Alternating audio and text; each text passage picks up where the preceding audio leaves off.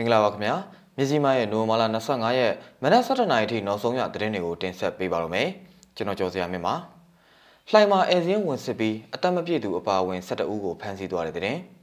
ဖုန်ကြီးကျောင်းကို PDF တွေဖျက်ဆီးတယ်ဆိုတဲ့သတင်းမှဖြန့်ဝေနေတဲ့တဲ့ထိုင်းနိုင်ငံနဲ့ခိုးဝင်မှုကြောင့်မြန်မာ60ဦးထပ်မံဖမ်းဆီးခံရတဲ့တဲ့အစရှိတဲ့သတင်းတွေကိုတင်ဆက်ပေးသွားတော့မှာဖြစ်ပါတယ်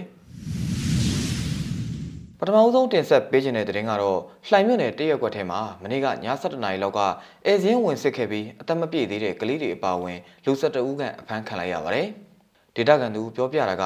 တရက်ကွက်ထဲကိုအဲဇင်းဝင်စစ်တာဟုတ်ပါတယ်။ကျမအထင်ကတော့ညနေကကျမတို့ဘက်မှာဆန္ဒပြတပိတ်ထွက်တာရှိလို့ဖြစ်ပါလိမ့်မယ်။ပါတဲ့သူတွေဝင်ဆွဲတာပေါ့လေ။ဒါပေမဲ့ဘသူပဲဝါပါခဲ့ပါတယ်ဆိုတာဘယ်လိုလုပ်သိနိုင်မှာလဲ။ဒီလိုပါပဲအကြောင်းပြချက်တွေမျိုးစုံနဲ့ရုပ်မာနေတာပါ။အခုလဲဘသူတွေဘလို့ပါသွားကြအောင်လဲမသိနိုင်သေးပါဘူး။မင်းအောင်လိုင်းရဲ့လူတွေကကြောက်မလားလို့ဖျဲချောက်လေ။ကျမတို့ကတော့တော်လန်ရေးကိုဆက်ပြီးလှုပ်လေပါပဲ။ကျမဒီလောက်ပဲပြောချင်ပါတယ်လို့ပြောပါတယ်။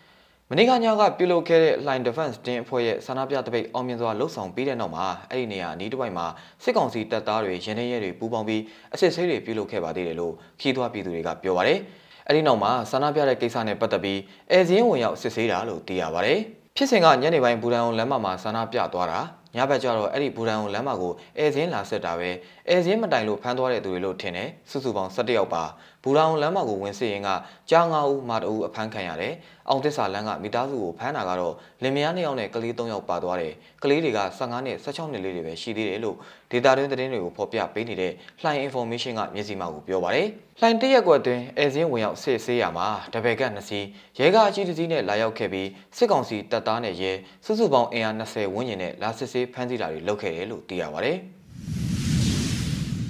မကွေးတိုင်းရေစကြိုမြို့နယ်ရေလေကျွန်းကြောက်ဖူးရွာတစ်မှာရှိတဲ့ဘော်ဒီရိတ်တာဘုံကြီးကျောင်းကို PDF တွေကဝင်ရောက်ဖျက်ဆီးပြီးဖျားပန်းနာငွေတွေလူရက်သွားတယ်ဆိုတဲ့သတင်းတစ်ခုဟာယခုရက်ပိုင်းတွင် Facebook လူမှုကွန်ရက်စာမျက်နှာမှာပြန့်နှံ့နေတာကိုတွေ့ရပါတယ်။အဆိုပါသတင်းကိုကိုကိုမမောင်ဆိုသူ Facebook အကောင့်ပိုင်ရှင်ကနိုဝင်ဘာလ22ရက်နေ့ကရေးတင်ထားပြီးအမျိုးသားရေးလှုပ်ရှားသူများကြားခံရေးထောက်ခံသူများနဲ့တပ်မတော်အမှန်တကယ်ချစ်မြတ်နိုးသူများအစရှိတဲ့ Facebook group တွေမှာလည်းဖြန့်ဝေထားတာကိုတွေ့ရပါတယ်။ အဆိုပါရေးသားမှုဟာသတင်းမှားတစ်ခုသာဖြစ်ပါတယ်ခင်ဗျာ။ဘာဖြစ်လို့လဲဆိုတော့ဘော်ဒီရိတ်တာဖုန်ကြီးချောင်းကို PDF တွေကဖျက်ဆီးခဲ့တာမဟုတ်ပါဘူး။ရွာတွေကိုဝင်ရောက်လာခဲ့တဲ့စစ်ကောင်စီတပ်ကဖျက်ဆီးခဲ့တာလို့ဒေသခံတွေကပြောဆိုထားလို့ပဲဖြစ်ပါတယ်။ဒါ့အပြင်ဒေသတွင်းကပြည်သူ့ကာကွယ်ရေးတပ်တာဝန်ရှိသူတူကလည်းဖုန်ကြီးချောင်းကိုစစ်ကောင်စီတပ်ကဝင်ရောက်ဖျက်ဆီးခဲ့တယ်လို့မြစည်းမသတင်းဌာနကိုဖြေဆိုထားပါတယ်။ စစ်ကောင်စီတပ်ကဗော်ဒီရိတ်တာဖုန်ကြီးကျောင်းကိုဝင်ရောက်ဖျက်ဆီးခဲ့တဲ့အခြေအနေနဲ့ပတ်သက်ပြီးမြစည်းမသတင်းဌာနကရေးသားထားတဲ့သတင်းတွေကိုလည်းတွေ့နိုင်ပါတယ်။ဒါကြောင့်ကိုကိုမမောင်ဆိုသူရဲ့ရေးသားမှုဟာတကယ်မြေပြင်ကလက်တွေ့ဖြစ်စဉ်ကိုအမှန်တိုင်းရေးသားထားတာမဟုတ်တဲ့ဝါဒဖြန့်ရေးသားမှုတစ်ခုသာဖြစ်ပြီး PDF တွေကိုပြည်သူတွေအထင်မြင်မှအောင်ရေးသားထားတဲ့သတင်းမှဆိုတာကိုအချက်လက်စစ်ဆေးချက်အရအတည်ပြုနိုင်ခဲ့ပါတယ်။ ကိုမောင်ဆိုသူရေးသားထားတဲ့သတင်းအမှားကိုကြိုက်နှစ်သက်သူ300ကျော်ထပ်ဆင့်ဖြန့်ဝေသူ90နီးပါးနဲ့သဘောထားမှတ်ချက်ရေးသားသူတော်တော်များများရှိနေတာကိုတွေ့ရပါတယ်။အခုလိုမျိုးနိုင်ငံရေးမတည်မငြိမ်ဖြစ်နေတဲ့အချိန်မှာဆိုရင်သတင်းမှားဖြန့်ဝေသူတွေဟာလက်ရှိဖြစ်ပျက်နေတဲ့အဖြစ်အပျက်အကြောင်းအရာတွေကိုအခြေခံပြီးသတင်းမှားတွေဖြစ်ဖန်တီးရေးသားကကြကြပြက်ပြက်ဖြန့်ဝေနေကြတာကိုတွေ့ရပါတယ်။ ဒါကြောင့်လူမှုကွန်ရက်ပေါ်ကစာဖတ်ပရိသတ်တွေအနေနဲ့အကြောင်းအရာတစ်ခုကိုပဲဖြစ်ဖြစ်သတင်းတွေကိုပဲဖြစ်ဖြစ်ဖတ်ပြီးကြည့်ပြီးထက်ဆင့်ဖြန့်ဝေတော့မယ်ဆိုရင်အမှန်တကယ်ယုံကြည်စိတ်ချရတဲ့သတင်းဌာနတွေကနေတက်လာတဲ့သတင်းတွေနဲ့တေချာစစ်စစ်ပြီးမှဖြန့်ဝေတင်ပါတယ်ခင်ဗျာ။ ဆက်လက်တင်ဆက်ပေးခြင်းတဲ့သတင်းကတော့မြန်မာနိုင်ငံဘက်ကနေတရားမဝင်နယ်စပ်ဖြတ်ကျော်ပြီးထိုင်းနိုင်ငံမူအန်နဲ့စန်ခလာဘူရီခရိုင်တွေမှာဝင်ရောက်ခဲ့ကြတဲ့မြန်မာနိုင်ငံသား60ဦးကိုအဖွဲ့အုပ်စု3စုအနေနဲ့နိုမလာ23ရက်နေ့ကတွေ့ရှိဖမ်းဆီးခဲ့တယ်လို့ထိုင်းရဲတွေကပြောပါတယ်။မူဟန်ခရိုင်မှာအမျိုးသား9ဦးအမျိုးသမီး4ဦးပါတဲ့မြန်မာနိုင်ငံသားအုပ်စုတစုကိုအဲ့ဒီနေ့မနက်က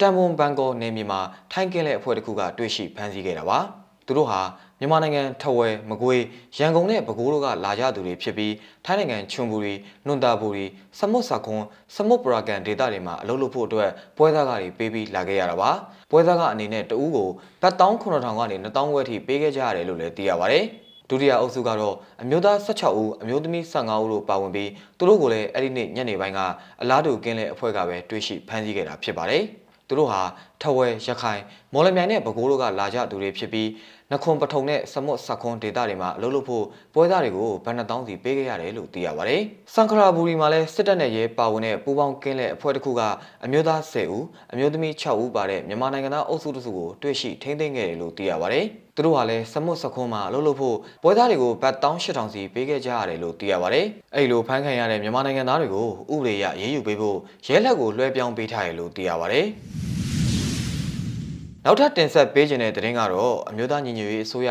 NUG ရဲ့ကျန်းမာရေးဝန်ကြီးဌာနကိုဦးတည်ပြီးထိုင်းရောက်မြန်မာလုပ်သားများကုညီစောင့်ရှောက်ရေးကော်မတီ AAC အဖွဲ့ကရန်ကုန်ငွေရှာဖွေရေးနဲ့အမှုပညာတင်ဆက်မှုပွဲတော်ကိုခမ်းနားစွာစီစဉ်ကျင်းပသွားဖို့ရှိနေပါတယ်။ကန်ဆန်ရင်အထူးစီစဉ်အနေနဲ့အမှုပညာစီစဉ်အနေနဲ့ဖျော်ဖြေတင်ဆက်သွားမှာပါ။ တော်လန်ကျမ်းမှာအနာဂတ်ကဘာထိုင်းရောက်တိုးမြန်မာလို့အမည်ပေးထားတဲ့အဲ့ဒီအစီအစဉ်ကနေရရှိလာတဲ့ရန်ပုံငွေတွေကိုကျမ်းမာရေးဝန်ကြီးဌာနနဲ့တော်လန်ရေးအတွက်အောင်မြင်ဖို့လိုအပ်ချက်တွေကိုပံ့ပိုးဆောင်ရွက်သွားမယ်လို့သိရပါဗျ။ အနုပညာရှင်တွေရဲ့တော်လန်ရေးအနုပညာနဲ့ကျမ်းမာရေးအသိပညာတင်ဆက်မှုတွေကို DD Channel, PVTV, ခေတ်သစ်မီဒီယာမြစည်းမ TV တို့ကနေအခမဲ့ဓာတ်ရိုက်အစီအစဉ်တွေနဲ့ထုတ်လွှင့်သွားမှာဖြစ်ပြီးကန်ဆန်းလက်မှတ်တစ်စောင်ကိုထိုင်းဘတ်ငွေ196ဘတ်နဲ့တော်လန်ကျမ်းမှာအနာဂတ်ကဘာထိုင်းရောက်ဒိုးမြန်မာ Facebook Page ကနေတဆင့်ဝယ်ယူကန်ဆန်းနိုင်မှာဖြစ်ပါတယ်။မြစည်းမရဲ့နိုဝင်ဘာလ25ရက်မနက်7:00နာရီထိနောက်ဆုံးရသတင်းတွေကိုတင်ဆက်ပေးခဲ့တာပါ။ မြန်မာပြည်သူပြည်သားပေါင်းဘေးရန်ရဲ့အမျိုးမျိုးကနေကင်းဝေးကြပါသည်ခင်ဗျာ။